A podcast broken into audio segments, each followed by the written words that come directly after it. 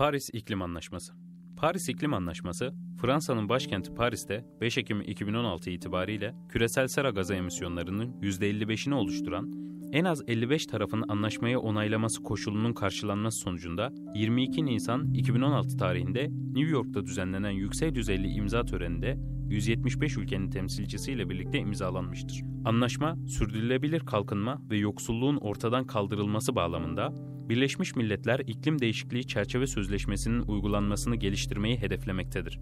Anlaşmanın uzun dönemli hedefi, küresel ortalama sıcaklık artışının sanayileşme öncesi döneme göre 2 santigrat altında tutulması, ilave olarak ise bu artışın 1,5 santigratın altında tutulmasına yönelik küresel çabaların sürdürülmesi olarak ifade edilmektedir.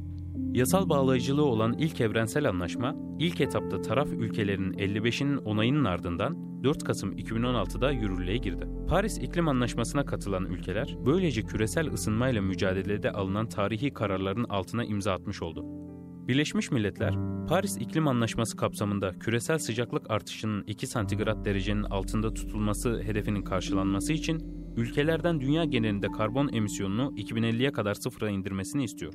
Söz konusu anlaşma, 100 yılın ikinci yarısına kadar küresel ortalama sıcaklığı en az 2 derece azaltmayı hedefinin yanı sıra fosil yakıt kullanımı da devreden çıkarmayı öngörüyor.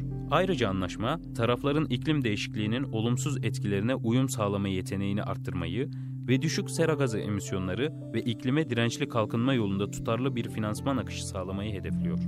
Dünyayı en çok kirleten ülkelerin başında Çin geliyor. Çin, 2060 yılına kadar karbon salınımını sıfıra indirme vaadinde bulunuyor. İlk onda ise Çin'in ardından sırasıyla Amerika Birleşik Devletleri, Hindistan, Rusya, Japonya, Almanya, İran, Güney Kore, Suudi Arabistan ve Endonezya var. Birleşmiş Milletler Çevre Programı'na göre en fazla sera gazı üretenler arasında Çin, Amerika Birleşik Devletleri ve Avrupa Birliği bulunuyor. Birleşmiş Milletler Çevre Programı verileri 2015'te atmosfere 50 milyar ton sera gazı salımını yapıldığını göstermekte.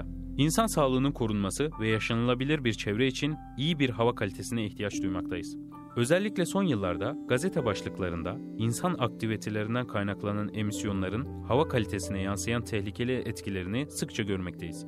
Örneğin astım hastalığına yakalanan çocuk sayısının artması, ozon tabakasında oluşan deliğin büyümesi, asit yağmurları nedeniyle ormanların yok olma tehlikesiyle karşı karşıya kalması, ekstrem hava koşullarının oluşması gibi. Bütün bu sorunlarla ilgili yerel, ulusal ve uluslararası düzeyde çalışmalar yapılmakta ancak çok daha fazlasına ihtiyaç olmaktadır.